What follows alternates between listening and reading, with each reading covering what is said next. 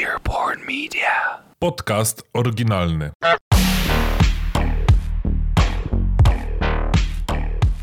Jesteś esportowcem? Zarabiającym miliony streamerem? Ambasadorem najcięższego gamingowego sprzętu?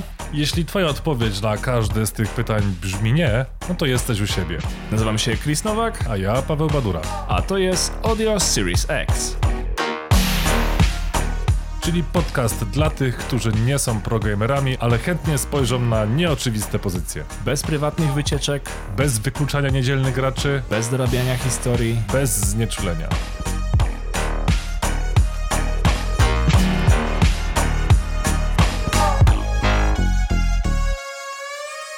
A, i gramy na Xboxach. No to zaczynamy. Witamy Was, drodzy słuchacze, w drugim odcinku Audio Series X Podcast. Ja witam Was bardzo serdecznie. Ja nazywam się Paweł Badura i ze mną jest dzisiaj, tak jak i zwykle, Tak jak jest zwykle, chociaż dopiero drugi raz, Chris Nowak, ale oczywiście to nie jest ostatni raz. Tych odcinków ukaże się jeszcze wiele, wiele więcej. Pamiętajcie, jak zawsze, co dwa tygodnie. Cześć. To jest dopiero drugi odcinek, a my już mamy nowy segment w tym podcaście i te segmenty prawdopodobnie będą się jeszcze pojawiały. Myślę, że to nie jest ostatni raz, kiedy coś dokładamy, ponieważ uznaliśmy, że dobrze będzie zacząć od opowiedzenia wam, drodzy słuchacze, w co ciekawego graliśmy ostatnio. Tak, i to będzie taki segment, którym nie będziemy e, tutaj poruszać tego, co jest tematem odcinka, bo w to graliśmy najwięcej, ale po prostu to, co się ostatnio u nas działo w naszym giereczkowym świecie, xboxowym świecie i to może ja powiem y, pierwszy od razu, bo To może mów. to, to powiem, jak już może, mogę. Dosłownie kilka dni temu zobaczyłem grę, która mnie zaintrygowała nazwą i postanowiłem to zainstalować. Oczywiście ta gra jest dostępna, mm, dostępna w Game Passie i nazywa się Monster Train. I powiem ci, że jak zobaczyłem, nie miałem świadomości, że to jest karcianka, bo to jest karcianka, e, ale jak zobaczyłem, że to jest karcianka, to trochę mnie odrzuciło, mówię, dobra, spróbuję i zagrałem w to 11 razy, czyli 11 rano zrobiłem, zajęło mi to prawie dwie godziny. I to już było późno. A, to- to weszło. Tak, weszło. Spać mi się chciało, ale y, rozbudziłem się i powiem ci, że miałem naprawdę wielką frajdę z tego. Sądzę, że to taka zajawka i, i może kiedyś poświęcimy tej grze y, więcej, podyskutujemy sobie y, o niej troszeczkę, porównując nasze wrażenia co do tej gry, bo nie poznałem tej mechaniki przez te dwie godziny jeszcze na tyle, żeby, żeby coś więcej o niej opowiedzieć, natomiast y, sama ta animacja, że walczy się w piętrowym nie dwupiętrowym, nie trzypiętrowym, tylko wielopiętrowym pociągu e, z, z bossami, gdzie boss przyzywa swoich podopiecznych, którzy e, są dla nas e, przeszkodą i musimy ich zwalczyć. Plus dwie ścieżki, które można nazwać po każdej walce, że po prostu wybieramy na zwrotnicy kolejowej, czy jedziemy w prawo, czy w lewo. No, jest to dosyć urocze, stylistyka jest całkiem, całkiem przyzwoita. E, Mnie bardzo spasowało, na pewno wrócę do tego, do tego y, tytułu, więc mm, jeszcze na pewno wrócimy do, do tego z jakąś większą recenzją, jeśli również tobie przypadnie do gustu. Spoko, przyjrzę się, zagram, zobaczymy jak, e, jak wyjdzie. Ale no brzmi to faktycznie ciekawie, zwłaszcza, że jakby mnie jest trudno przekonać do karcianek, zresztą ty też jesteś sceptyczny z tego, co powiedziałeś. Tak. Um, no, no ale zawsze raz na jakiś czas właśnie się pojawia gra, która jest. Są takie gry jak Rocket League, nie? Gdzie ja wiesz, nigdy nie lubiłem e, piłki nożnej, mało grałem w gry z samochodami, ale wiesz, minus i minus daje plus i na przykład Rocket League bardzo lubię. Więc e, zawsze może się, pojawi, się, może się pojawić takie zaskoczenie. Więc chętnie obczaję Monster Train, jasne. A co u ciebie w takim razie było grane przez ten ostatni czas? Wiesz co, ja ostatnio miałem troszeczkę mniej czasu e, na granie. Troszeczkę więcej, troszkę jednak więcej pracy się pojawiło w tym styczniu, ale e, na przykład jedną z takich ciekawych gier, który mogę polecić z kategorii gra, która może podejść twojej dziewczynie, bo tak podeszła mojej, nie jest zbyt skomplikowana a jednocześnie, a jednocześnie z jakiegoś powodu e, potrafiła nam dać na tyle fanu, że w zasadzie w parę tygodni przeszliśmy ją całą. Um, Okej. nie jest jakaś Ale to w, strasznie w długa. parę tygodni, w, okej, w parę tygodni przejść całą, to właśnie brzmi jak jakaś duża produkcja. Nie, no nie jest dużą produkcją. Bardziej chodzi mi o to, że to było, wiesz, że to były trzy sesje po trzy godziny, czy coś takiego, nie? Ale po prostu Okej. miałem mało czasu, więc jak już z Magdą faktycznie siedliśmy i stwierdziła, dobra, mam ochotę w coś zagrać, mówię, okej, spoko. No i tak faktycznie podeszła jej gierka o wdzięcznej nazwie Wilmot's Warehouse, e, która... Bardzo jak, wdzięczna nazwa. tak, jak sama nazwa wskazuje, polega na ogarnianiu magazynu, co z pozoru wydaje się trochę nudne, ale jednak mechanika tej gry jest dość powtarzalna, ale z jakiegoś powodu z jakiegoś powodu nas, nas nie znudziła za specjalnie i po prostu jakby jak, sam, jak wspomniałem wcześniej, chodzi przede wszystkim o to, że w twoim katalogu pojawia się coraz więcej produktów. Maksymalnie w ciągu jednego playthrough pojawi się ich 200, mimo że łącznie jakby kolorowych przedmiotów w grze jest 500. No, nie jest to gra, e, która bynajmniej jest jakaś e, super złożona, bo to nie są jakieś modele przedmiotów, które fajnie wyglądają, to są po prostu rysunki na kwadracikach. To jest e, gra o, o poziomie artystycznym, który jest bardzo, bardzo minimalowy. No ale przede wszystkim chodzi o to, żeby po prostu uporządkować sobie cały ten Majdan, który po prostu spływa do ciebie ciężarówkami, e, tak żeby można było w ogóle te wszystkie rzeczy z tego magazynu wydostać i dostarczyć je w odpowiednim czasie, bo w momencie, kiedy pojawia się zamówienie, no to te przedmioty, które pojawiają się na zamówieniu, trzeba w e, kilkadziesiąt sekund e, znaleźć w tym magazynie i je zrzucić, więc trzeba też sobie porządkować mm, e, te wszystkie sprawy. To mi, mi się wydaje, że ta gra jest takim dość wiernym odzwierciedleniem tego, jak wygląda porządkowanie sobie spraw w dorosłym życiu, co jest bardzo marnym sposobem, żeby grę za, zarekomendować, ale z jakiegoś powodu, jak ktoś lubi porządek i jak ktoś lubi, jak sprawy są ogarnięte, to ta gra potrafi dać trochę dodatkowej satysfakcji dzięki temu. Potem jest dość zabawnie, kiedy się potykasz o, o siebie, zbierając w szale jakieś tam rzeczy, które nie wiesz, gdzie poupychałeś, nie? Mhm.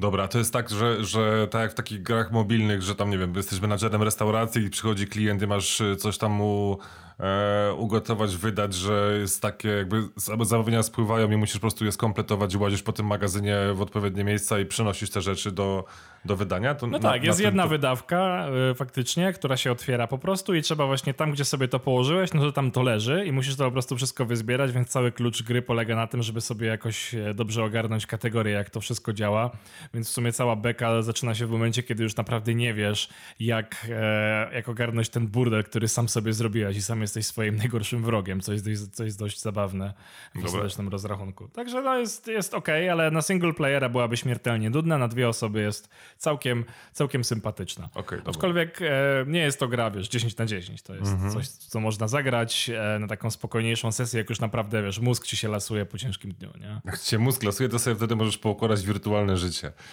No to wtedy, wiesz, zapominasz o tym, że w twoim prawdziwym jest bałagan. Dobra, ale to rozumiem, że to taki koop e, kanapowy na zasadzie, jak mówisz, że kilka Jedyny tygodni słuszny. graliście i, i trzy, tak, jedyny słuszny. E, I, I to były to trzy sesje tam po dwie, trzy godzinki, tak jak wspomniałeś, no, czyli to nie jest gra, która potrafi zrujnować związek, tak? Nie, nie, właśnie to, właśnie to było z kluczem, że przy tej grze się mało kłóciliśmy, wiesz, bo były jakieś tam gry koopowe, graliśmy razem na przykład w Overcooked, e, O, to, tak. to, ci, to, to niedobrze, to nie, nie kończyło się to dobrze, były, były spiny, nie? Ciche E. dni te sprawy potem. Tak, no w, tak. W Untitled Goose Game z jakiegoś powodu się nie wkręciła, więc jakby to był, to był też trudny moment dla mojego związku, bo jeśli ktoś nie lubi Untitled Goose Game, to znaczy, że em, może mieć naprawdę ciężko z grami i zacząłem się głowić, czy w ogóle będziemy jeszcze coś razem grali. No ale znalazło się to. Dobra, no to co? No to w takim razie tutaj krótki przegląd tych gier, które trafiły na nasze konsole w, w ostatnich y, dniach od poprzedniego odcinka. No to teraz czas na kącik newsowy. World premiere. No to jakie masz newsy? Jakie mam newsy? Wiesz co, ja mam takiego jednego dużego combo newsa, który jest y, wielką dramą internetową. Och. I zrobiłem sobie małe śledztwo w ogóle, i, i, ale to o tym za chwilkę. Natomiast taki pierwszy y, szybki, szybki news y, ze świata właśnie bardziej Xboxowego i PC-owego, czyli z ekosystemu Microsoftu. Y, Stalker 2 y, został zapowiedziany już jakiś czas temu na y, ten rok, czyli na 2021. Ta premiera nie jest jeszcze sprecyzowana co do, co do miesiąca, E, natomiast e, teraz e, kilka dni temu pojawiła się informacja, że będzie to ekskluzyw na przynajmniej czasowy na, na Xboxa i na PC-ta i co więcej, co powinno cieszyć E, wszystkich graczy, nas e, również, od razu w dniu premiery pojawi się e, w ramach subskrypcji Xbox Game Pass, także... Bardzo przyjemnie. Bardzo przyjemnie. Nie wiem, czy ty grałeś w jedynkę. Ja sobie sprawdziłem, grałem, ile, grałem, ile lat temu wyszła jedynka i, i ja wiem, to, to strzelaj, ile to, ile to temu było, bo mi się to wydawało, że to, że to było naprawdę dawno, ale nie jest aż tak tragicznie, jak się spodziewałem. Myślałem, że to jest troszkę... Pomyliłem się o 4 lata. Aha, no u mnie jest, wiesz co, największy problem polega na tym, że ja muszę sobie przypomnieć na jakiej platformie w to grałem, bo u mnie jest bardzo łatwo określić ramy czasowe um, na podstawie um, na podstawie platformy, na której grałem, bo większość z nich ma bardzo krótkie, krótkie przebiegi. Eee, no nie, no ale strzelam, że Stalker 1 to będzie, nie wiem, 2009? 2007.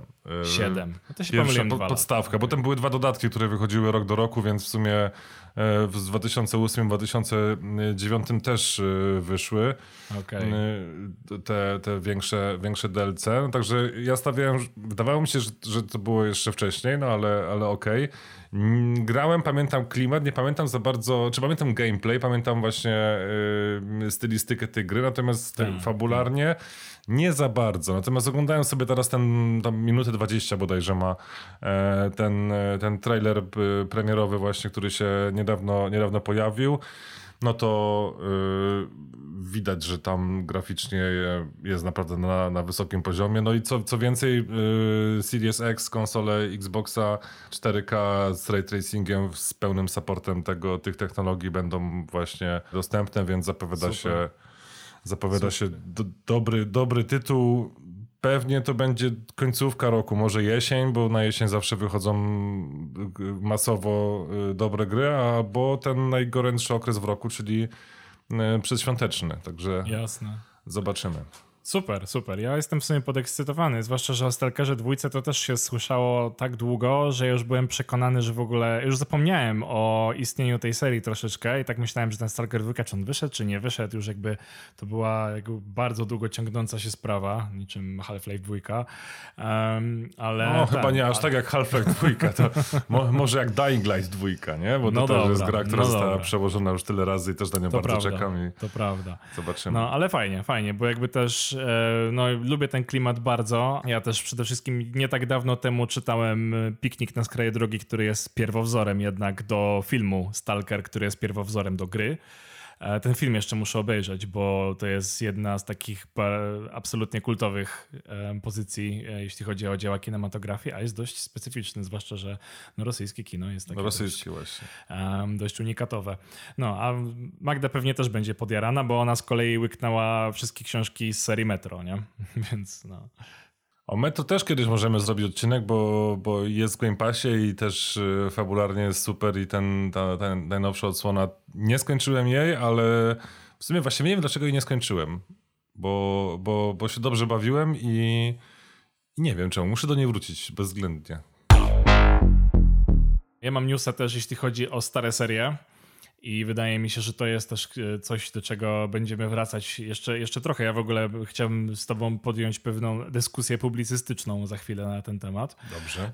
Ale zacznijmy od tego, że jest takie studio jak Vicarious Visions. Ostatnio o nich słychać coraz więcej, bo zajęło się na przykład remake'iem e, dwóch pierwszych części Tony Hawk's Pro Skater co bardzo, bardzo wielu graczy ucieszyło, zwłaszcza, że no jakby ta gra bardzo mało się zestarzała, jeśli chodzi o mechanikę, nie? Podobnie było z remake'iem e, Crash'a Bandicoota, który zrobili, chociaż tutaj mi się wydaje, że jednak już, no już czuć, że, że jest to gra z e, pierwszego PlayStation, mimo nowej oprawy.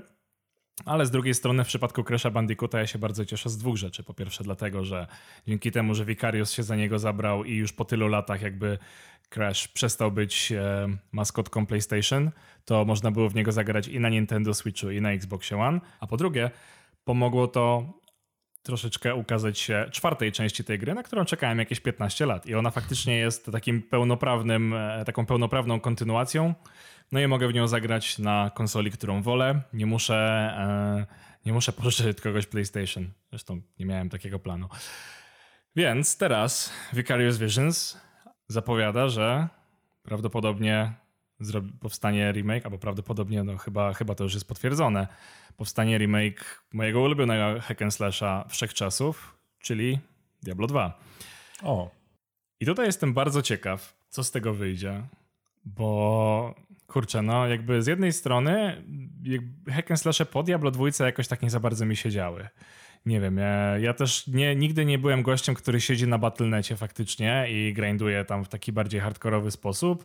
Mi ta mechanika z Diablo 2 się podobała, no ale kurczę, z drugiej strony to jest stara gra.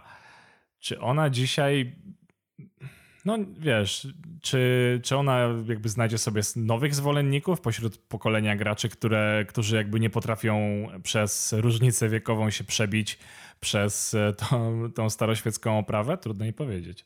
Wiesz co, ja teraz sobie sprawdzam jeszcze, bo dobrze się mają, z tego co kojarzę, dalej serwery Diablo 2, e, ale prywatne. Nie wiem, czy oficjalne serwery Diablo 2 jeszcze, jeszcze żyją.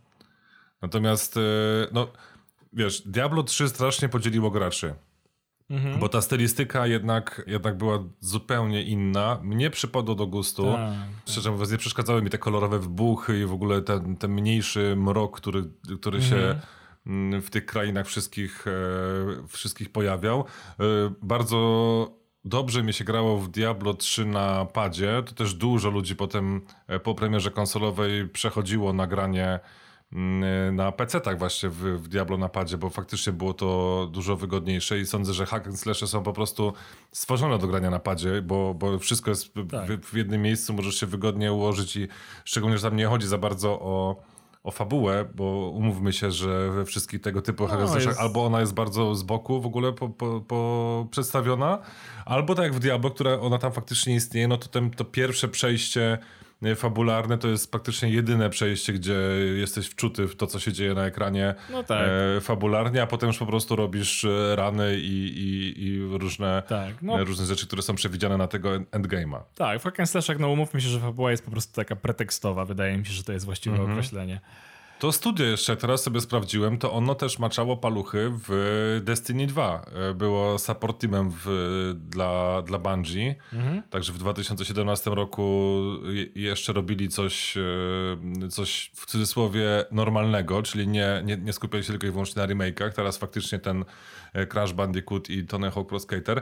Wiesz co, dziwi mnie ten, ta informacja, bo jeśli to jest remake tego Diablo 2, jest y, wspierany przez Blizzarda, czy tam Blizzard Activision teraz aktualnie, a Diablo 4, które zostało zapowiedziane, już jest podobno w bardzo zaawansowanej fazie produkcyjnej, chociaż mm. ja mhm. dalej stawiam na to, że, że nie, nie pojawi się jeszcze premiera w, w tym roku, tylko poczekamy pewnie na drugą połowę 2022, takie są moje jakieś tam predykcje, mm -hmm. to patrząc na to, że Blizzard mówił, że ok, wysłuchaliśmy naszych y, graczy, widzimy co się stało, y, że były te głosy krytyki po premierze Diablo 3, jeśli chodzi o stylistykę, więc Diablo 4 będzie połączeniem mechaniki znanej z Diablo 3, ale ze stylistyką Diablo 2.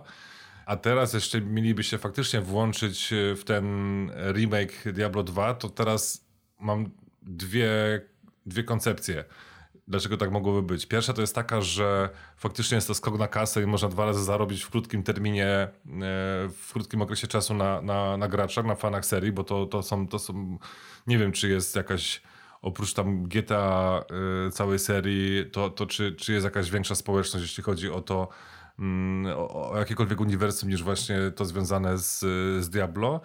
A druga to taka moja myśl, że Diablo 4 jest jeszcze w y, czarnej dziurze produkcyjnej i dwa lata na przykład y, jakby to Diablo 2 miało wyjść dosyć szybko, a, a z tego co słyszałem to, to te remastery, y, te właściwie robione przez Vicarious Visions jest zrobione dosyć szybko. Także jeśli ta, ten remake faktycznie miałby być w tym roku, no to mogłoby to świadczyć o tym, że Diablo 4 jest jeszcze w, nie w takiej fazie, że ukaże się w najbliższym roku czy dwóch.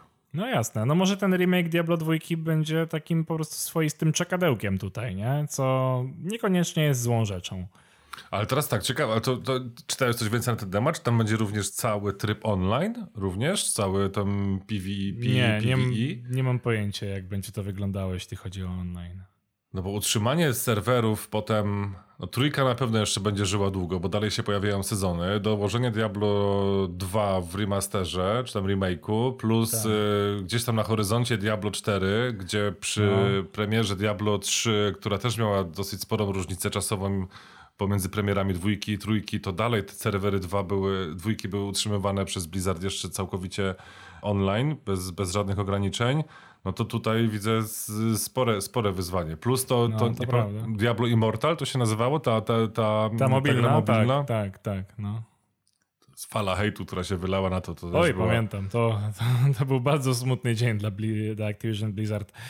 No, no nic, no nie wiem, no może wiesz, może Activision Blizzard po prostu planuje całe wybrzeże Islandii zabudować serwerami e, i Możliwe. biorąc pod uwagę jeszcze to, że nie wiem, World of Warcraft jest cały czas wspierany, są przecież serwery e, StarCrafta, no bo przecież jakoś trzeba się ubiegać o, mm, e, o rękę koreańskiej narzeczonej, no słuchaj, no nie wiem, ale ale podejrzewam, że, że, że to może być bardzo, bardzo ciekawy, ciekawy ruch i wydaje mi się, że warto, warto obserwować te akcje. Ja sobie zaraz spojrzę na rewolucję, ile kosztują akcje Activision Blizzard i em, jak to wszystko się rysuje na podstawie tych newsów.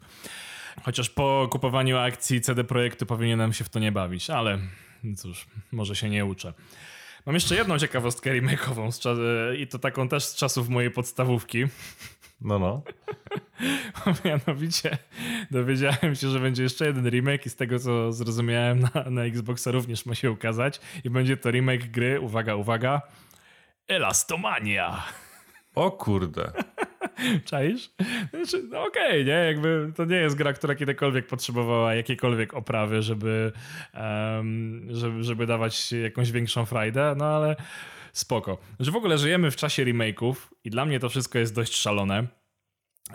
Zastanawiam się, czy to jest w ogóle spoko, nie? Bo tych, ty, tych remake'ów klasycznych gier, które faktycznie były takimi hitami wszechczasu już było na tyle dużo, że powoli mam wrażenie, że już chyba niczego z takiej e, listy moich ulubionych gierek e, z, z dzieciństwa już, już nie ma e, do, do, do zremasterowania, więc jakby już chyba wszystko zostało zremasterowane.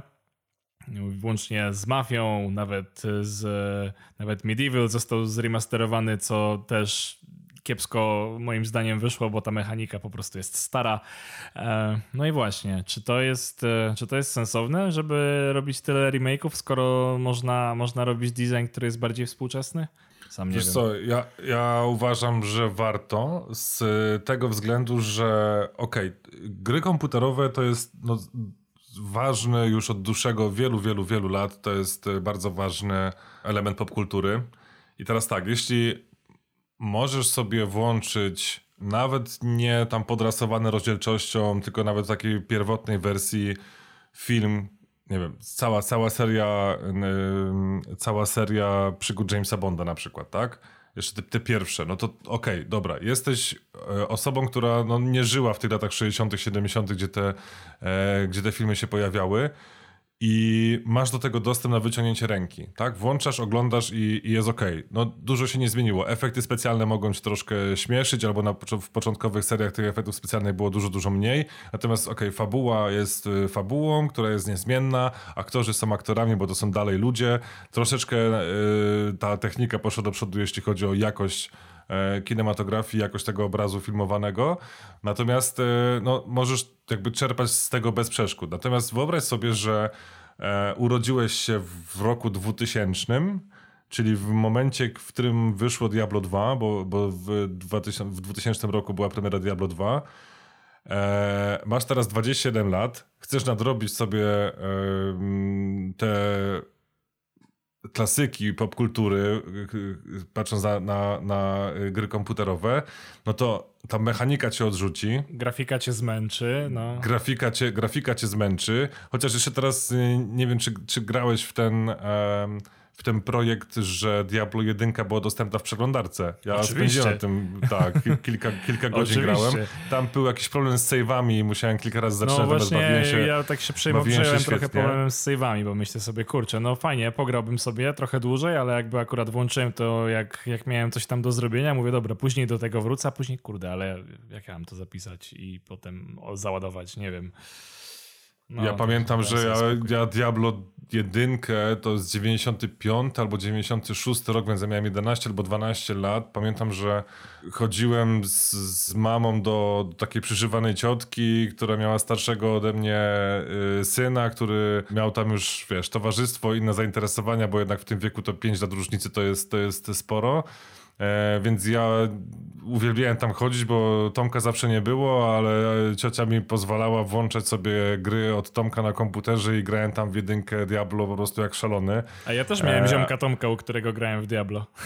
No, a potem, a potem właśnie już miałem, y, miałem już y, swoją kopię Diablo i, i pamiętam, że też bardzo mocno w to grałem, więc to jest takie moje sentymentalne podejście. Więc sądzę, już tak skracając e, tą moją przydługawą dygresję, e, sądzę, że to jest bardzo dobry kierunek, żeby takie remake'i robić, dlatego, że no, ktoś może poznać faktycznie kawał popkultury, fabularnie, już Descartes Kane, w ogóle cała ta wioska pierwsza, to jest, wiesz, to, to ja, ta muzyka, ja pamiętam dokładnie w ogóle Diablo 2 do setki, setki, jak nie, jak na pewno ponad tysiąc godzin, no nie chcę mówić, że tysiące, bo może nie, nie dobiję do dwóch tysięcy, ale przegrałem naprawdę mnóstwo, mnóstwo czasu w, w Diablo właśnie dwójkę i też na Battle.necie i, i tam jakieś walki PvP e, też, e, też toczyłem.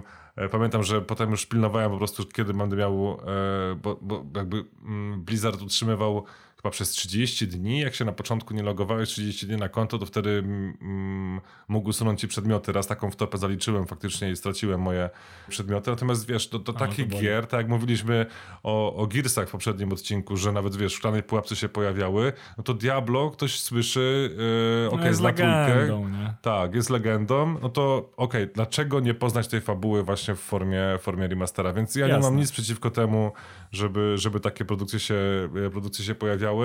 Sentyment starszych graczy i szansa dla, dla nowych, żeby, żeby się zagłębić w te, w te produkcje. Ja muszę przyznać, że faktycznie w remastera gier, kończąc już naprawdę te dygresje, bo bardzo żeśmy odeszli od e, tematów odcinka, a, ale fajne jest to, że robiąc remastery gier, nie zrobi się tego tak strzelając sobie w stopę, jak robiąc rebooty filmów.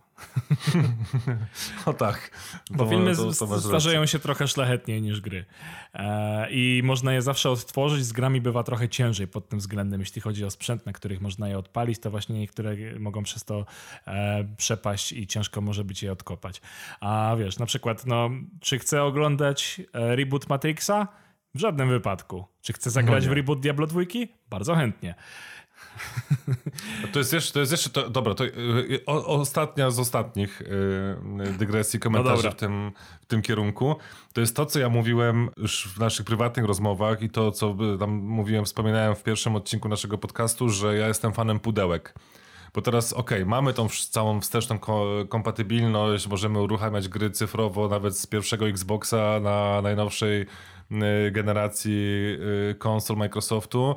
Natomiast wyobraź sobie, że ktoś by chciał zagrać w grę, nie wiem, patrząc tutaj, odwracając się, mm, no okej, w, su- w pudełkowego cyberpunka za 25 lat, tak? Że przyjdą do mnie wnuki i ja powiem im, okej, chodźcie wnusie, tatuś, dziadek wam pokaże w ogóle, wiesz, w co się grało w 2020 roku, tak naprawdę dopiero w 2021, bo tam była taka mała historia z paczami, ale to jest długa historia, żeby o tym wam opowiadać. E, więc e, i, i wtedy okej, ja sobie wiesz, wyciągam z szafy e, ze strychu tego Xbox Series X, robię, wiesz, dmucham, ten kurz opada, wyciągam pudełko, wkładamy płytę i gramy, tak?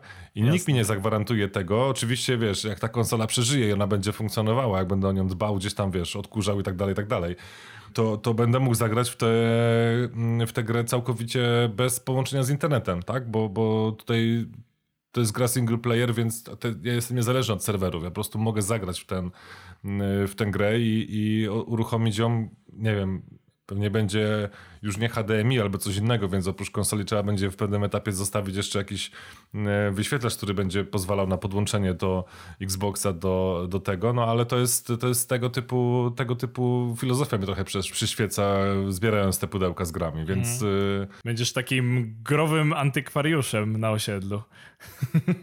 tak, będą przychodzić do mnie dzieciaki, żeby tutaj u, u, u pana Pawła pograć sobie w gry tam z, wiesz, z początku lat 2030 roku na przykład, nie?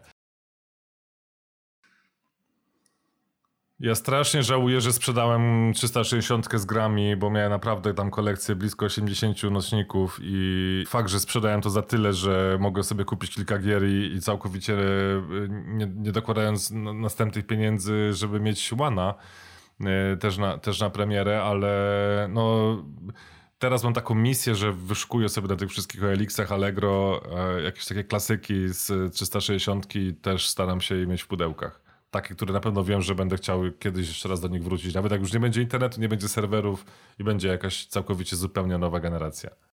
No, spoko. E, ja tak właśnie dlatego się cieszę, że w Game Passie pojawiło się więcej gier 360 też, e, też dzięki współpracy z EA, więc ostatnio znaczy ostatnio mniej, ale po prostu bo grałem w inne rzeczy, ale na przykład właśnie między innymi dzięki temu mogłem sobie pograć e, w Skate'a, którego na 360 dusiłem bardzo dużo, więc to jest e, mega fajne.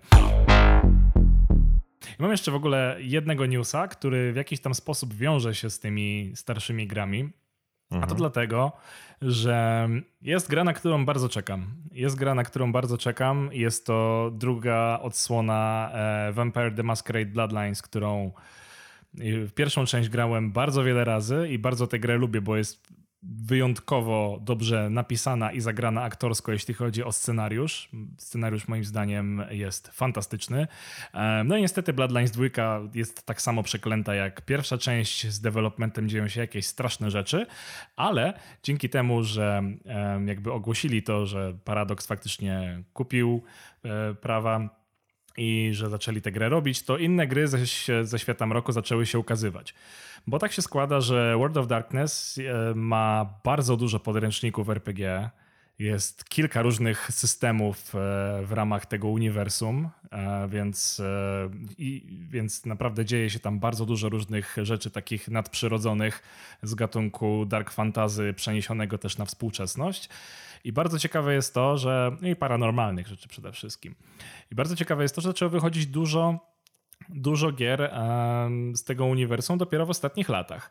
Tu pojawiła się ciekawa gra e, VR-owa. Um, pojawiły się jakieś tam visual novele polskiego studia Draw Distance i e, właśnie ostatnio pojawił się zwiastun już taki ostatni gameplayowy, trochę tłumaczący jak ten gameplay będzie wyglądał, e, a raczej zajawiający do gry Werewolf The Apocalypse Earthblood. Strasznie długi tytuł, ale no, te wszystkie gry ze świata mm -hmm. roku mają e, turbo długie nazwy.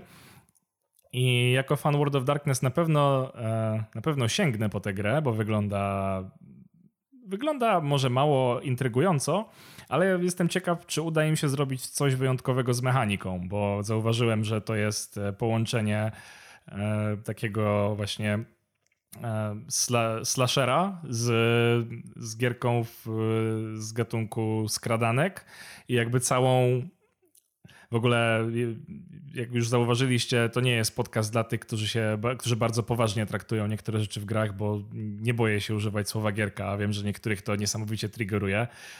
Tak, filmiki na YouTubie to nie mogą być gierki, to są gry i filmy. No, pogodźcie się z tym po prostu.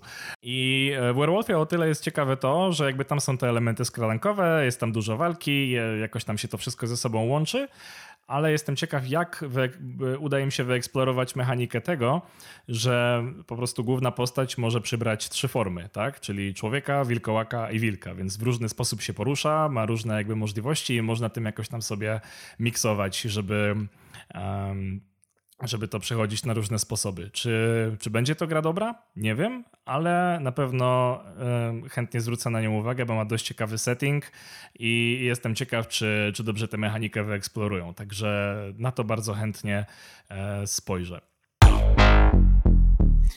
Dobra, to ja jeszcze mam jednego newsa, który też trochę jest publicystyczny i dzisiaj będzie w takim razie dużo dłuższy odcinek niż e, planowaliśmy, ale no, no okej, okay, tak, tak, takie, takie są prawa redakcyjne, że tak powiem, że tam na tą publicystykę też mamy tutaj troszeczkę miejsca. Mam dwa newsy troszeczkę połączone, ale najpierw chciałbym zapytać ciebie, Chris, co cię najbardziej drażni w naszej grze online E, z innymi graczami na przykładzie, no daleko nie szukać, bo w to gramy najczęściej w, w Gears 5.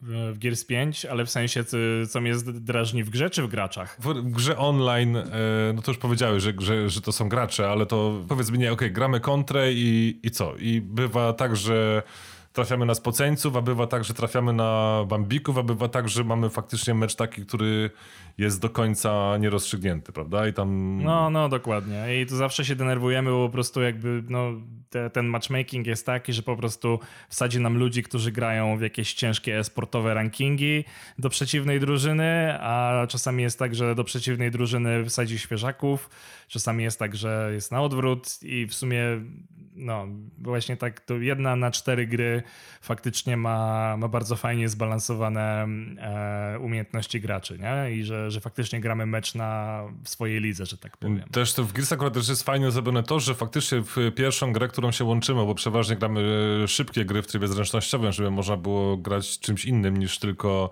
niż tylko shotgunem i lancerem, E, to faktycznie dorzuca nas do tej gry, która się już gdzieś tam rozpoczęła i potem jest szybkie przetasowanie na podstawie tego, jak nam w tej grze pójdzie, tak? Czyli dobiera tych graczy w miarę, żeby te drużyny były zbalansowane. No, I to różnie to Ale różnie to, różnie to bywa. To w poprzednim odcinku nawet wspominaliśmy, że najbardziej nie lubimy graczy, którzy, e, którzy są z, z Meksyku, bo tam faktycznie raz, że widać, że pingi są większe, więc trudniej w nich trafić. Ja nie wiem, czy my nie lubimy graczy z Meksyku. Jakby, no ciężko im powiedzieć, bo żadnego osobiście nie poznałem. Ale... No tak, no ale to już tak generalizuję teraz, tak bardzo, no dobra, bardzo, no. bardzo upraszczam, że, że tam faktycznie są, e, są gracze, którzy bardziej są e, nastawieni, ta seria tam chyba jest bardziej, bardziej popularna i po prostu tych, tych lepszych graczy jest więcej. Mhm. No i teraz, nie wiem, czy do ciebie dotarła ta afera z, z połowy miesiąca, właściwie to z poprzedniego tygodnia, czyli z drugiej połowy miesiąca, tak zwany Egypt Gate który miał swoją genezę w tym, że dwóch e, streamerów, najpopularniejszych jeśli chodzi o Call of Duty Warzone,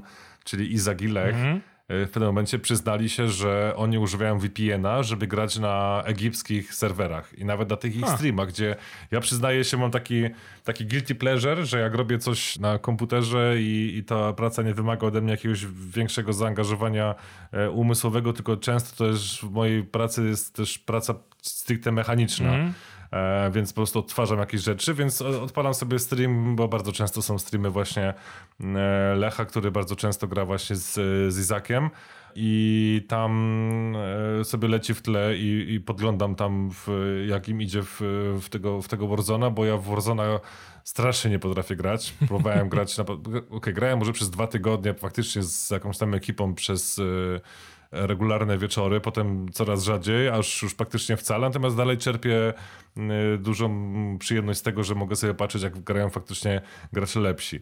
No i tam się ostatnio pojawiły stwierdzenia, że ok, to teraz jedziemy na wakacje i że o, patrz, Polak, zabiłem Polaka i pewnie ma ten sam hotel, co, co my.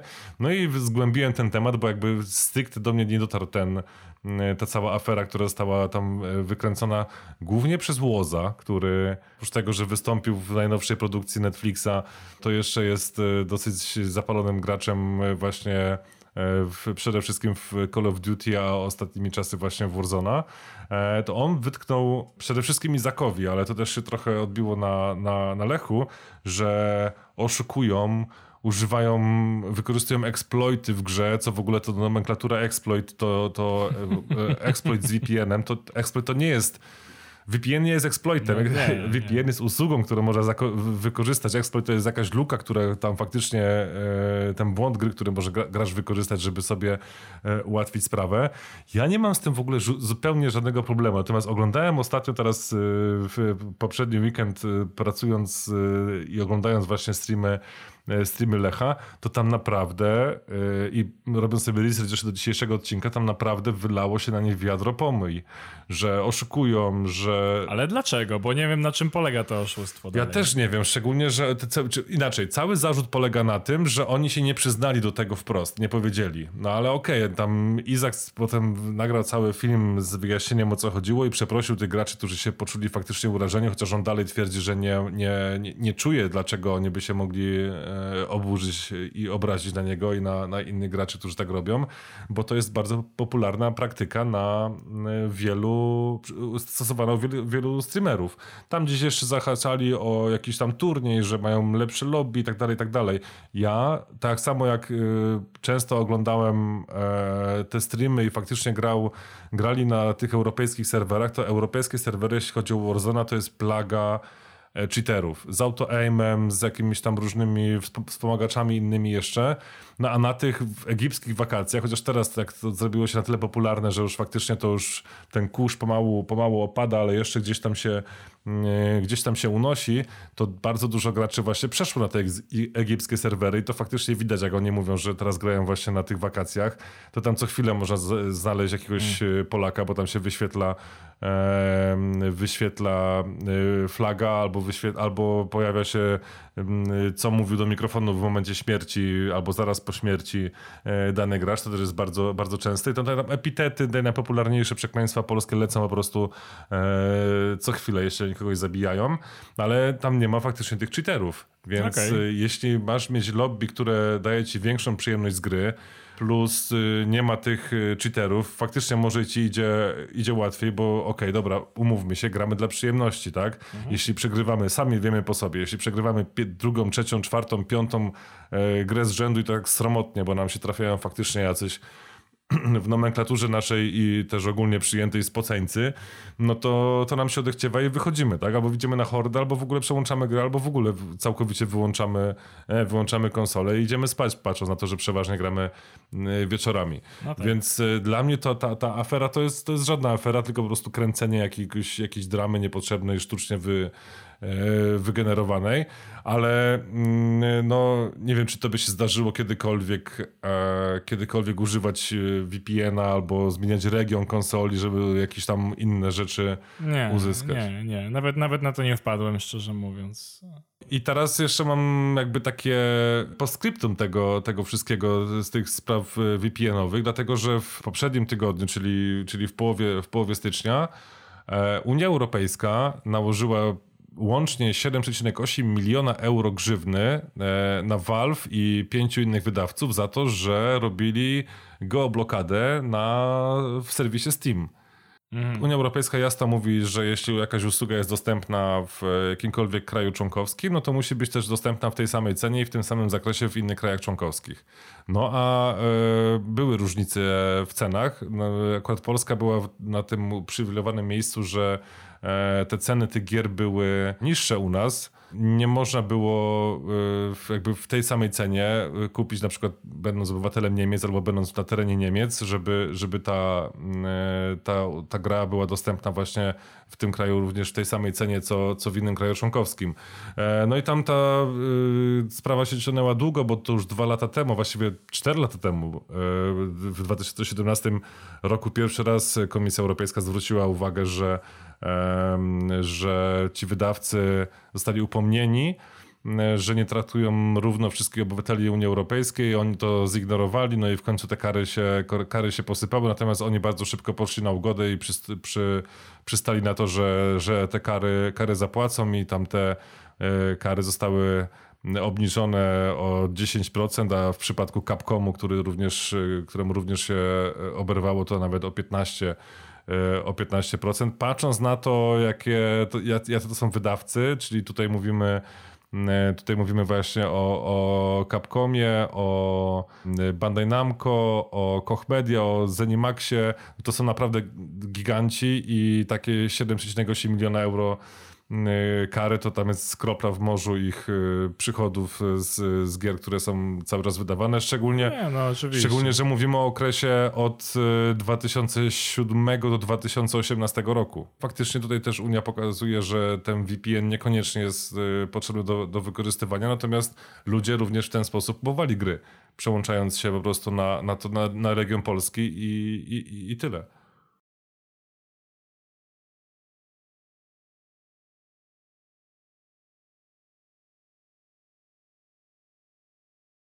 Albo w ogóle można kupić, tak? Bo jeśli chodzi o premierę akurat e, Switcha w Europie, no to katalog gier dostępnych w Polsce, a katalog gier dostępnych w Wielkiej Brytanii albo już w ogóle w Japonii, no to nieporównywalna różnica. Tak, oczywiście. I to też była kwestia tego, że jak tam się troszeczkę, troszeczkę sobie poszperałem, to na przykład dużo, dużo cwaniaków mówiło, że a, ja tu tam sobie założyłem konto w właśnie meksykańskim notabene um, e-shopie, żeby żeby kupować te gry, no bo faktycznie są tańsze o, o jakieś 5 do 10%, więc, e, więc jakby jakaś tam już, już zauważalna różnica się pojawiała, jeśli ktoś kupował ich więcej. Ja po prostu to olałem, stwierdziłem, że dobra, nie zależy mi. Nie wiem, jak rozkłada się ta różnica cenowa, jeśli chodzi o przychody dewelopera, a, a o to, ile ląduje w sklepie. E, bo podejrzewam, że to nie jest równoprocentowe, tak. ale nie chciało mi się z powodów etycznych robić super wielkiego researchu, ale po prostu stwierdziłem, że dobra, te kilka złotych nie jest dla mnie takie ważne, żeby robić jakieś kombinowanie. No ale cóż, no ale to co mówisz, to w takim razie wskazuje, że to nie jest pierwsza i nie ostatnia sytuacja, w której e, gracze kombinują sobie z VPN-ami, żeby porobić różne rzeczy. I to nie jest pierwsza i nie ostatnia sytuacja, w której będą kręcone różne dziwaczne dramy, a widać jasno, że społeczność e, gamingowa, no niestety różnych ludzi ma e, gdzieś tam dookoła i niektórzy są troszeczkę bardziej problematyczni i mniej, mm, mniej okej. Okay względem otoczenia niż, e, niż byśmy chcieli. No ale cóż, no nie, nie mamy na to bezpośredniego wpływu. Wydaje mi się, że w ogóle to już jest dobry moment, żeby skonkludować nasz e, segment newsowo-publicystyczny. Tak Spędziliśmy już sporo czasu opowiadając o tych wszystkich rzeczach, a chyba najwyższa pora przejść do tematu odcinka. Ja sobie tutaj zapisałem, że temat naszego odcinka możemy podsumować jednym słowem, czyli warzywniak. warzywniak i absolutnie nie jest to, nie jest to belga, ani, um, ani żadna inwektywa skierowana ani ku, ku grze, ani ku graczom. E, jest to po prostu fakt. Ponieważ tak, to, jest, jest, fakt. Jest, jest to fakt związany z settingiem gry, o której opowiemy ponieważ grą, o której chcieliśmy opowiedzieć, jest Drake Hollow, które było największym zaskoczeniem spośród gier, które znaleźliśmy w Game Passie. Tak, my wczoraj, wczoraj dosłownie kończyliśmy e, Drake Hollow, o tym też za chwilę, bo to, to nie będę teraz e, spoilował, ale e, my graliśmy w to ostatnio 12 września tak. I potem mieliśmy długą przerwę i, i wczoraj y, wróciliśmy do tej gry, ale my próbowaliśmy dojść do tego, dlaczego my zagraliśmy tego, tego 12 września akurat wtedy i chyba nam y, się udało dość wyjaśnić tę ten, ten zagadkę i wtedy czekaliśmy, mając już wymaksowane postacie i wymaksowane mm, wymaksowane poziomy w poprzedniej operacji GIS E, Gris 5 i czekaliśmy po prostu na nowy sezon. Tak. Szukaliśmy, szukaliśmy jakieś gierki, żeby sobie miło spędzić czas online. Tak, i Drake Hollow pojawiło się zupełnie przypadkiem, bo przeglądałem sobie gdzieś tam gry w Game Passie, spojrzałem na nią, zobaczyłem, myślę sobie, no dobra, e, nie wiem, czy to jest coś, co mnie jakoś specjalnie zainteresuje. Zobaczyłem oprawę graficzną, która swoją komiksowością jest, to myślę, że nie będzie to bardzo daleko idącym stwierdzeniem, dość blisko e, chociażby Fortnite'a, bo ma taką właśnie lekką e, komiksową, e, kreskówkową oprawę. I też mechanika gry jest skakanie, strzelanie, to też jest takie Fortnite'owe dosyć. Tak, tak, tak, tak. Także gdzieś tam, gdzieś tam to było blisko tego, myślę sobie, no dobra, nie wiem, czy to dla mnie, zobaczyłem e, switaśnych ludzików, warzywa rosnących w ziemi. Myślę, że no dobra, może to jest coś dla, dla młodszych graczy. Nie wiem, czy warto na to zwrócić uwagę. Potem zobaczyłem recenzje, które były no, zaskakująco dobre i postanowiliśmy zrobić eksperyment i w to zagrać. Jak się zaskoczyliśmy. Tak, zaskoczenie było spore, bo w ogóle sama, sama ta, samo, samo to intro w ogóle, cała ta historia.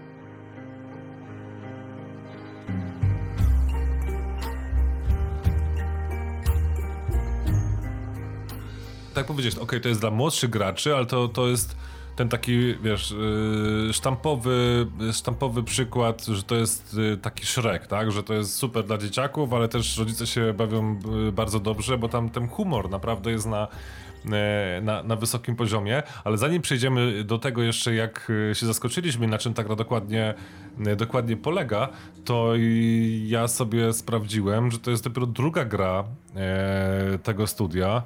E, pierwszą grą, czy studio w ogóle się nazywa Molasses Flute, a pierwszą grą było The Flame in the Flute.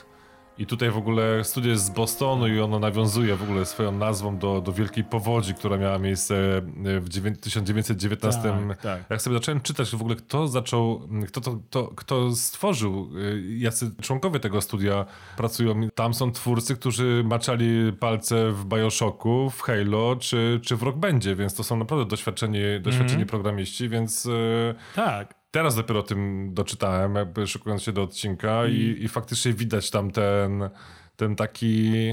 No trochę... Widać, że jest sznyt, tak. nie? Widać, że to jest designersko naprawdę dobrze zaprojektowana gra, która jest solidna, w której wszystko się spina. Ja grałem też e, we Flame in the Flood e, jakiś czas temu. I no właśnie, Flame in the Flood w ogóle jest troszeczkę inną grą, bo to jest gra w zasadzie survivalowa Um, Ale to wyszło na w ogóle na, na, więcej platform chyba, bo to na Xboxie jest, na PC, na, na tak, Switchu no, chyba też nawet jest. Nawet na Switchu w to grałem. Mhm. Tak.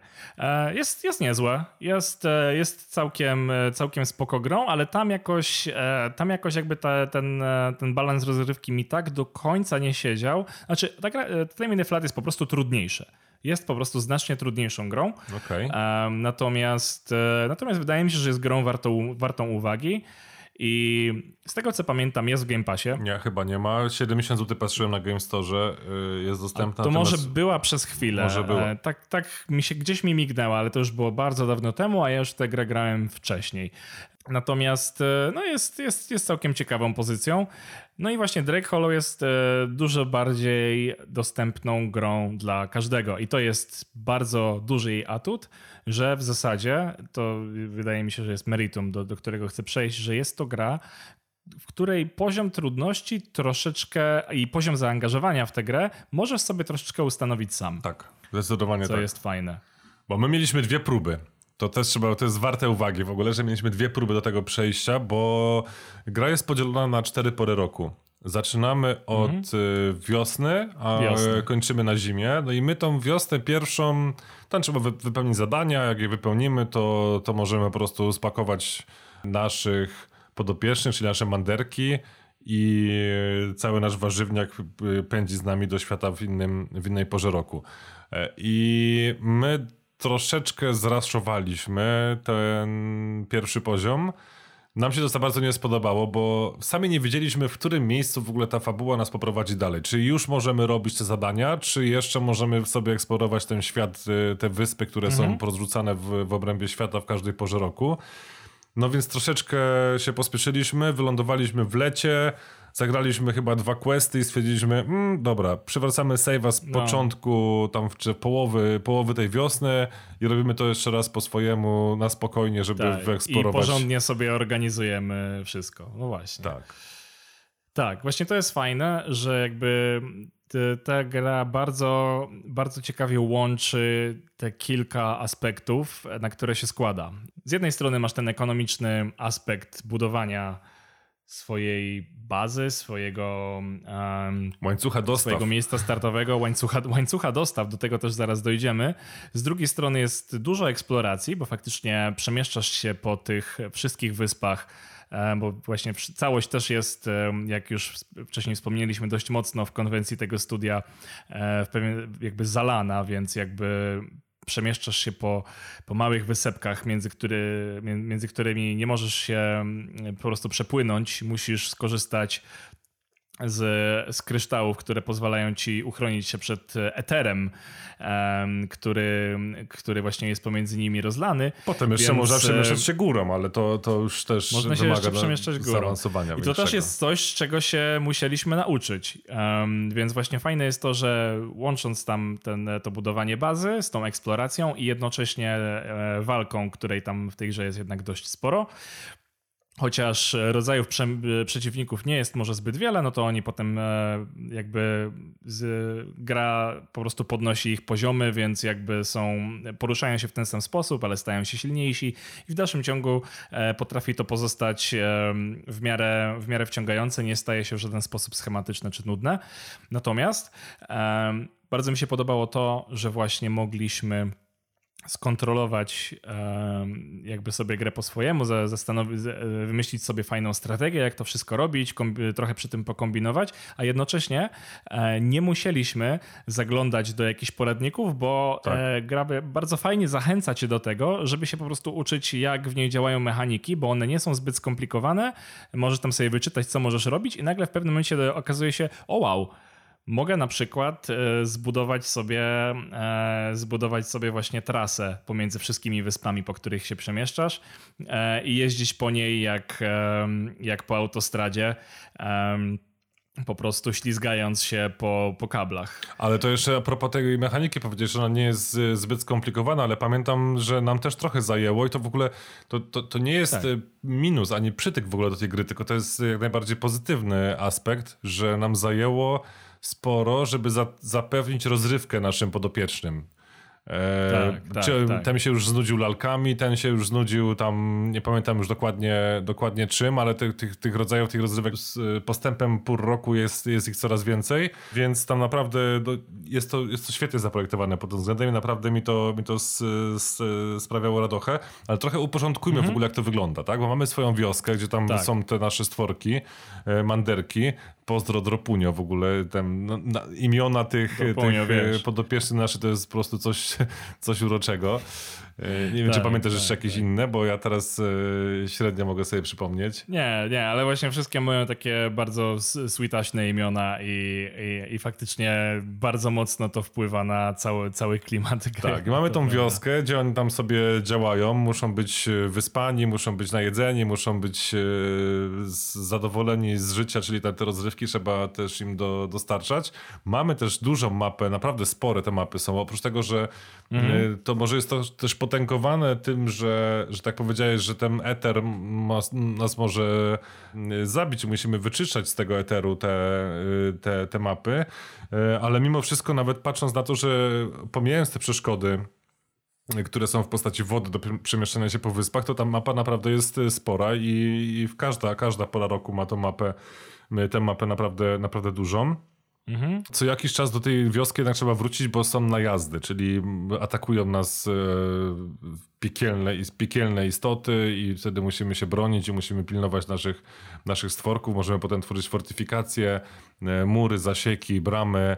Regularny czas jest po prostu, trzeba wrócić i ten, ten atak odeprzeć. Mamy ten aspekt e, obrony bazy i wybierania się na ekspedycję. W zasadzie w takim trybie mniej więcej ta gra się odbywa, że faktycznie rozbudowujemy naszą, naszą małą wioskę. Staramy się zapewnić, żeby nasi podopieczni mogli, mogli sobie w niej żyć spokojnie, a przy okazji od nich też dostajemy różne, e, różne buffy do, e, do naszych zdolności. Dzięki temu właśnie możemy być silniejsi i sobie e, też troszeczkę spersonalizować ten styl gry i na przykład dodać sobie jakieś tam mocniejsze, mocniejsze atrybuty, jeśli chodzi o, o walkę, leczenie i tak dalej.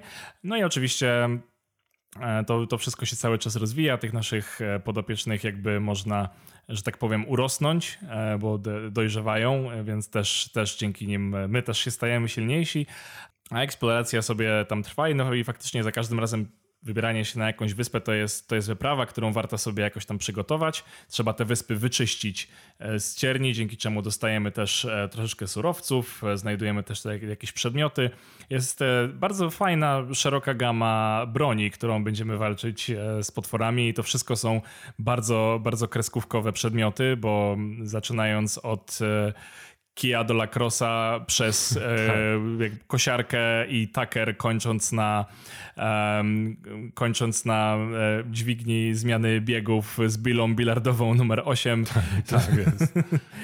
E, mamy do dyspozycji bardzo, bardzo przypadkowe przedmioty, które, które posłużą nam za nam za broń. Tak, no możemy, możemy, możemy faktycznie sobie tą rozrywkę dość urozmaicić i faktycznie sprawia przyjemność, jak budujemy sobie swoją sieć komunikacji, żeby zapuszczać się na dalsze wyspy, troszeczkę je wyczyścić, um, rozbudować naszą bazę, zebrać więcej surowców z ciężarówek rozrzuconych po wyspach, bo łącząc naszą bazę z tymi ciężarówkami możemy jakby zautomatyzować proces dopływania właśnie do nich konkretnych surowców, dzięki Czyli którym możemy budować rozbudowę. Tak, tak, wcześniej, tak. tak, robimy sobie ten łańcuch dostaw i bardzo fajnie się to wszystko toczy. Gra ma taki bardzo, e, bardzo specyficzny rytm i można w nią grać bardzo powoli, bardzo wolno sobie to rozbudowując, albo można też troszeczkę przyspieszyć i zrobić kilka e, prostych questów, e, kończąc porę roku w miarę szybko, bo o ile... Ja teraz y, chciałem powiedzieć o tym różnym stylu naszych y, gier, bo tak jak powiedziałem, to wracamy do tego save'a w, w połowie wiosny i tam robimy razem, chodzimy wszędzie razem, walczymy razem z tymi przeciwnikami, ale całkiem dobrze nam idzie, więc wyczyszczając całą mapę, przenosimy się do lata i w lecie postanawiamy się rozdzielić i każdy robi swoje rzeczy. I jak każdy ma, któryś z nas ma problem, no to w tym momencie pędzimy na pomoc i sobie razem tam z tymi potworami walczymy i sobie odblokowujemy następne, następne questy. E, pamiętam, że jesienią też tak próbowaliśmy robić, ale już nam za bardzo nie wychodziło, bo ci przeciwnicy naprawdę, na, naprawdę byli, już, e, byli już mocni, więc tam już musieliśmy faktycznie spędzić chyba najwięcej czasu, e, żeby razem te, te mapy wyczyścić. Natomiast no, też ja cię namówiłem do tego, żebyśmy trochę zraszowali zimę. Tak. Jak się pojawiła ta zima, no to tam się pojawił również element mrozu i te wszystkie urządzenia nam zamarzły, nasze manderki nam zamarzły i one tam nagle no, wszystkie wskaźniki nagle skoczyły nam na zielono, dlatego że wszyscy zamarzli, więc nie było żadnych potrzeb, więc okej, okay, mówię, dobra. No dokładnie, jeśli, tak jest jeśli wszystko... jesteś zamarznięty, to nie jesteś głodny. tak, dokładnie, tak. Nie masz żadnych innych potrzeb, po prostu wiesz, zero testosteronu, zero, zero stresu. Potrzeb, zero potrzeb. Leżysz sobie zamarznięty i czekasz, aż będzie, będzie wiosna. No i w tym momencie poszliśmy poszliśmy gdzieś tam y, dalej.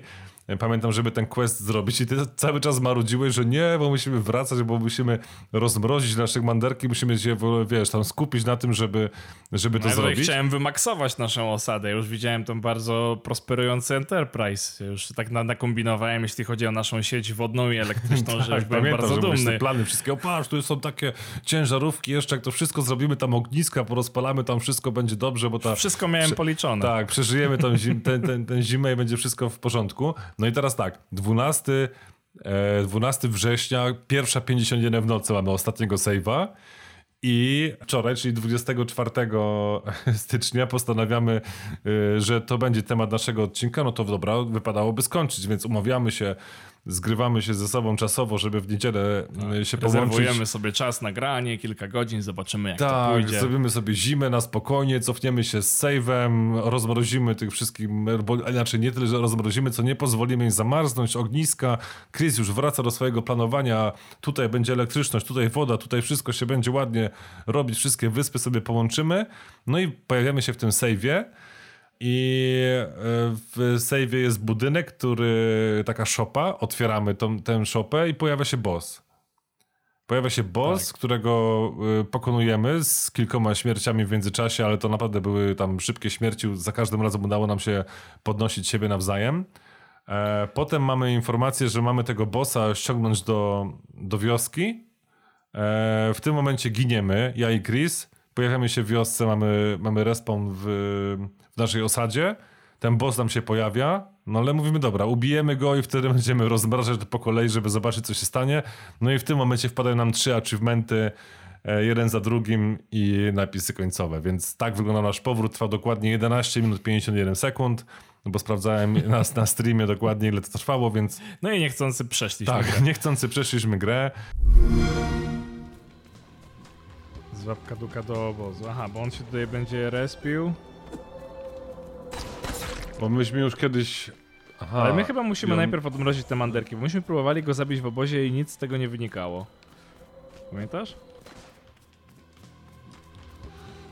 A, bo on teraz cały czas za nami łaził, tak? Menda jedna. Tak. Jak to się chodziło po tym, tym? Eee, czekaj, zaraz Mam, wy, dobra, wy, RB. Dobra. RB.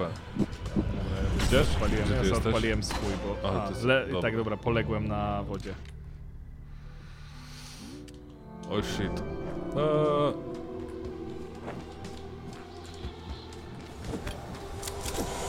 Też. No to w obozie się odrodzimy, będzie z głowy. Tylko teraz, czy, czy, to, czy to pozwoli na zwabienie O. go? Dobra, on już tu przyszedł. A, no dobra, skoro tak.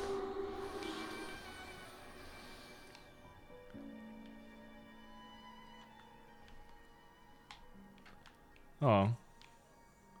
Ej, Cygy achievement. rzadki achievement.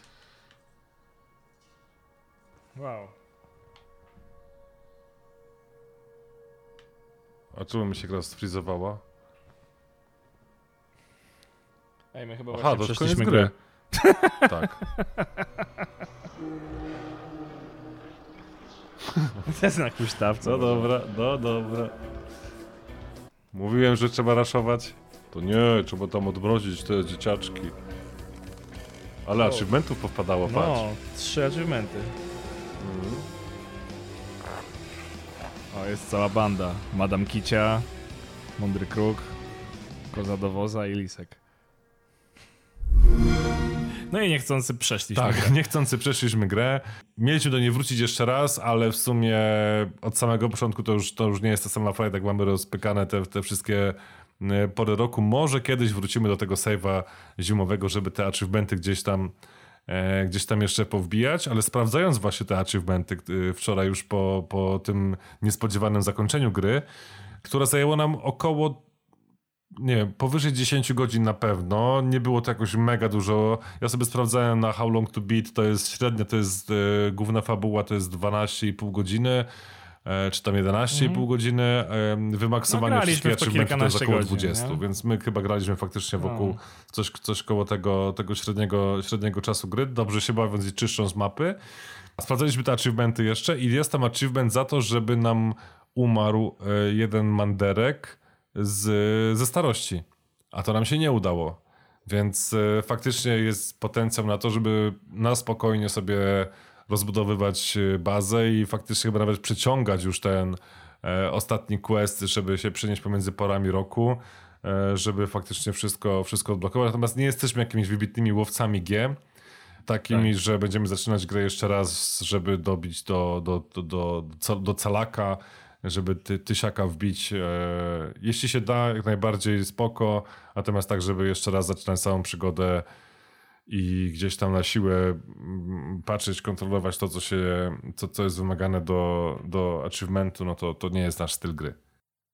To prawda. No, natomiast no właśnie tutaj jeszcze raz chciałbym wrócić do bardzo mocnego atutu tej gry, jakim jest to, że po prostu można w nią grać w swoim tempie. I to jest taka gra, w której właśnie można sobie czyścić te mapy powoli, rozbudowywać sobie tą wioskę i grać w taki bardzo, e, w takim bardzo weekendowym tempie, więc jest to fajna, fa, fajna gra, który, która może posłużyć za taki pretekst, żeby się złapać z kilkoma znajomymi i e, wiesz, i przy okazji podczas gry pogadać, co tam się działo ostatnio, po jakichś, jakichś ostatnich e, wydarzeniach w naszym życiu i tak dalej, bo, e, bo to nie jest gra, która wymaga od ciebie jakiegoś super hardkorowego skupienia, a przynajmniej nie przez cały czas. E, No, oczywiście czasami trzeba po prostu walczyć albo przypilnować, żeby tam z, Dropunio że- był szczęśliwy. o sytuację, tak, żeby Dropunio i jego ziomki manderki tam trzymali się dobrze i wiesz, bawili się e, czadowo u siebie, e, u siebie na dzielni, więc e, no, więc e, jest to bardzo spoko pod tym względem. My też sporo pracowaliśmy podczas tej gry. W sensie rozmawialiśmy o pracy, omawialiśmy projekty, które mamy, mieliśmy, mieliśmy To wtedy, wtedy wspólne, więc ta, tak jak powiedziałeś, to jest naprawdę świetna gra pod tym względem, żeby Tak, Dobrze świetna się- gra na wideokola.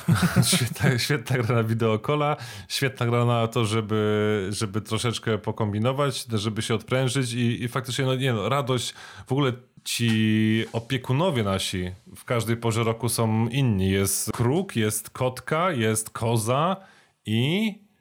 I Lisek. I Lisek, tak. Oni są naprawdę bardzo charakterystyczni, mają swoje style wypowiedzi, więc nie, naprawdę widać ten sznyt, tak powiedziałeś, tych, tych yy, twórców. I jestem skłonny wrócić do tej gry, jeśli by się pojawił jakiś DLC. Tak, z przyjemnością, z przyjemnością. Jeśli I wydaje byłoby, mi się, że następnym nie wiem, razem... sezon drugi i teraz mamy nawet te same mapy, ale z jakimiś tam dodatnymi funkcjonalnościami, to bardzo chętnie zrobię z tobą wideokola podczas tej gry jeszcze, żeby, żeby popracować i, i w międzyczasie, e, żeby nam dropunio się zestarzał tak, żeby, Godnie.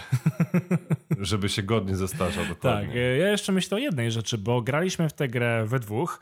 Um, można w nią grać w, od jednej do czterech osób. Um, więc e, zastanawiałem się, jak e, inaczej by się grało e, czteroosobowym składem. To też może być ciekawe doświadczenie, zwłaszcza, że no, jednak jest to gra, która wymaga dość sporo kooperacji, e, więc nie zawsze nie zawsze byłoby łatwo prawdopodobnie okiełznać większą grupę e, graczy, gdzie każdy stwierdzi, nie, nie, ja pójdę na tą wyspę. Nie, wiesz co, ja tutaj, ja tutaj mam pomysł, ja, to, ja bym to zrobił tak.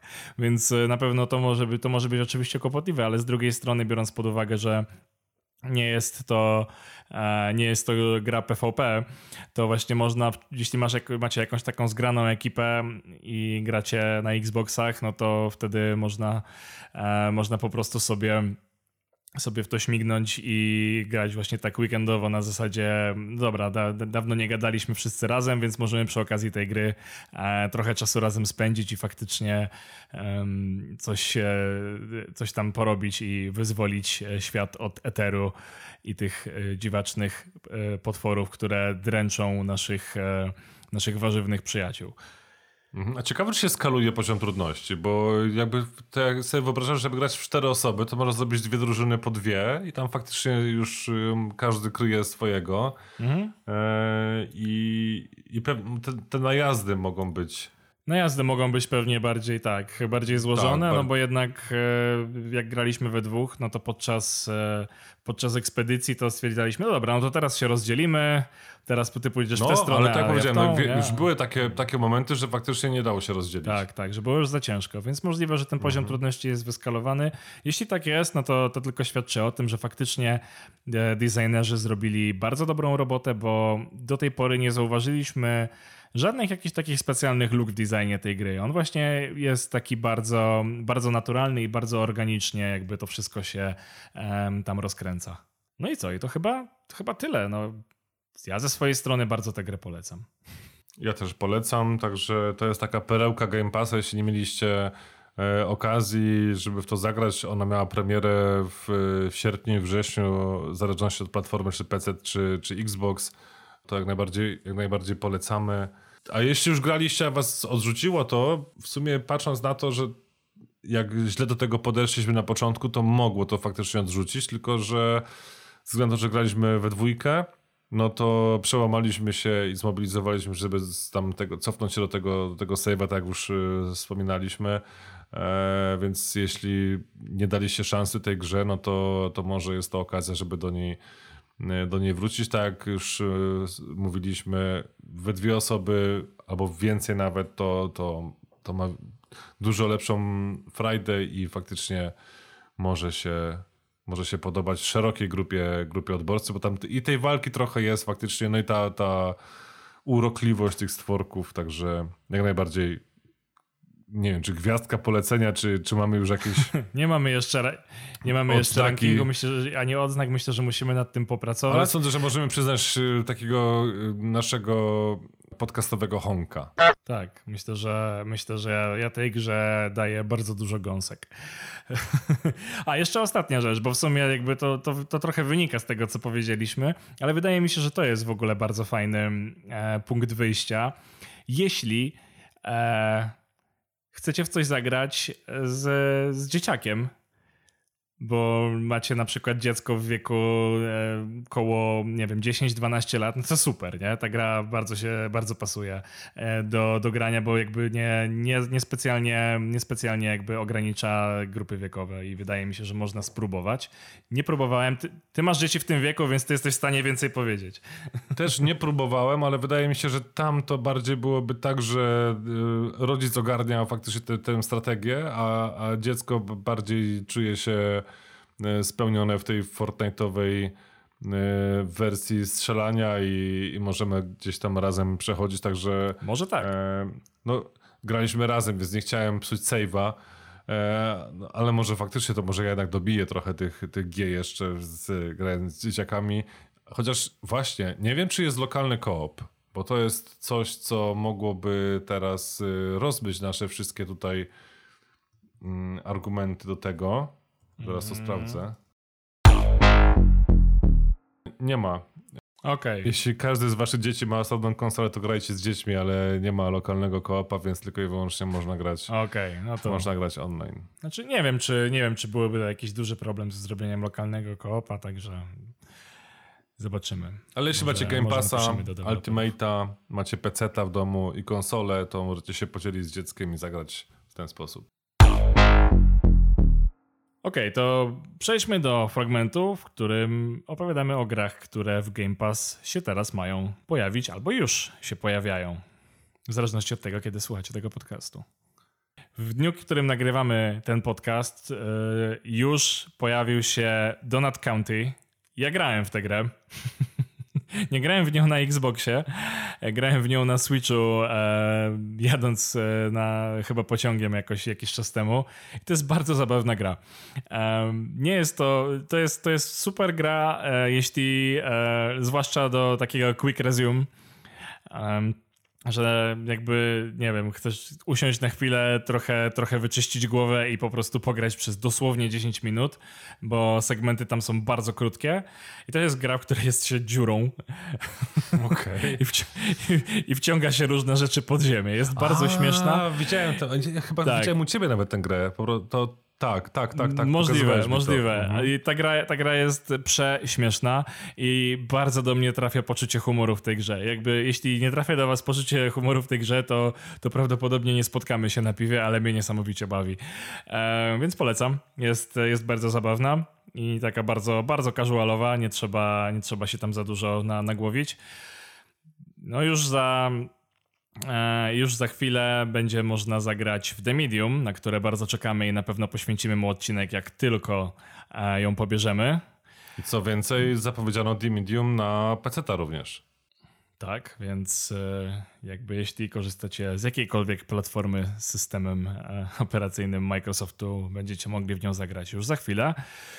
Ponadto ukazują się e, trzy części Jakuzy. Jak w Game Passie Jakuza zawsze była obecna, różne odsłony tej gry się w niej przewinęły. Trochę e, teraz właśnie wracają te trochę starsze, czyli Jakuza 3, 4 i 5.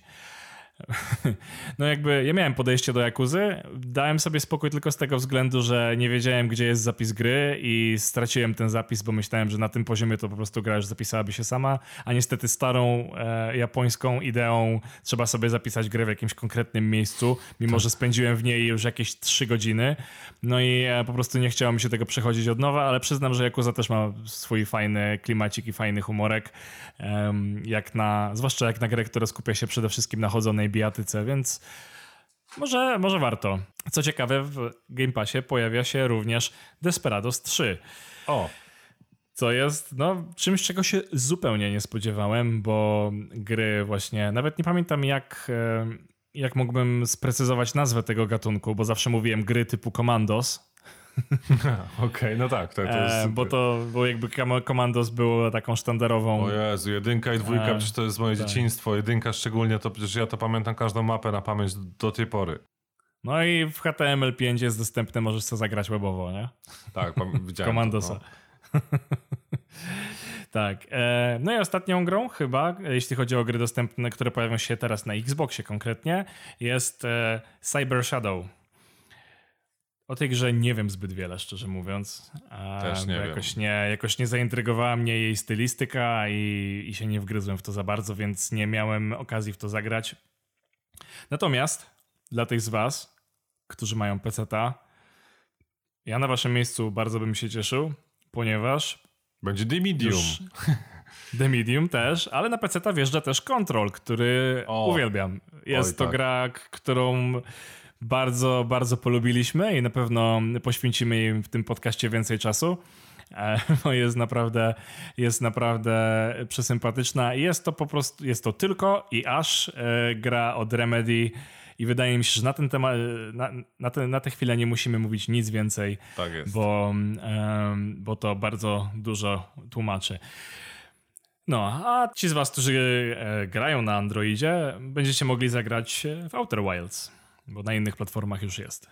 Ja jakby nawet nie, nie, nie rozpatrywałem Game Passa w kontekście Androida, więc jakby nie mam e, zbyt wiele na ten temat do powiedzenia. Nie wiem, jak się gra e, na Androidzie, w sensie, czy dobrze się gra na Androidzie w gry z Game Passa.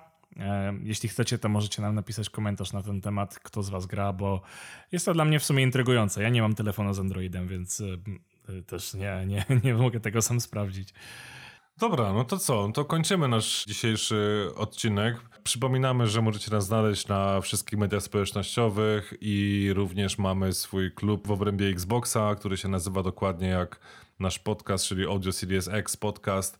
E, dołączajcie, będziemy mogli e, wspólnie grać. Chcemy zbudować jak największą społeczność, więc mamy nadzieję, że niedługo będą tam się pojawiały bardzo często jakieś zaproszenia do do gier. Pamiętajcie, że my jesteśmy dostępni w miarę regularnie na Gears 5 do pogrania online, więc y, chętnie pogramy również ze świeżymi graczami. Ja już nie mam nic więcej do dodania. Myślę, że możemy śmiało kończyć. Opowiedzieliśmy w tym odcinku całkiem sporo, więc e, dołączajcie, odzywajcie się do nas, jeśli chcecie się w czymś zgodzić lub nie. Zawsze chętnie podyskutujemy. Albo nie, Albo nie, dokładnie. albo nie. I e, do usłyszenia już za dwa tygodnie. Cześć. Trzymajcie się i miłego grania w takim razie.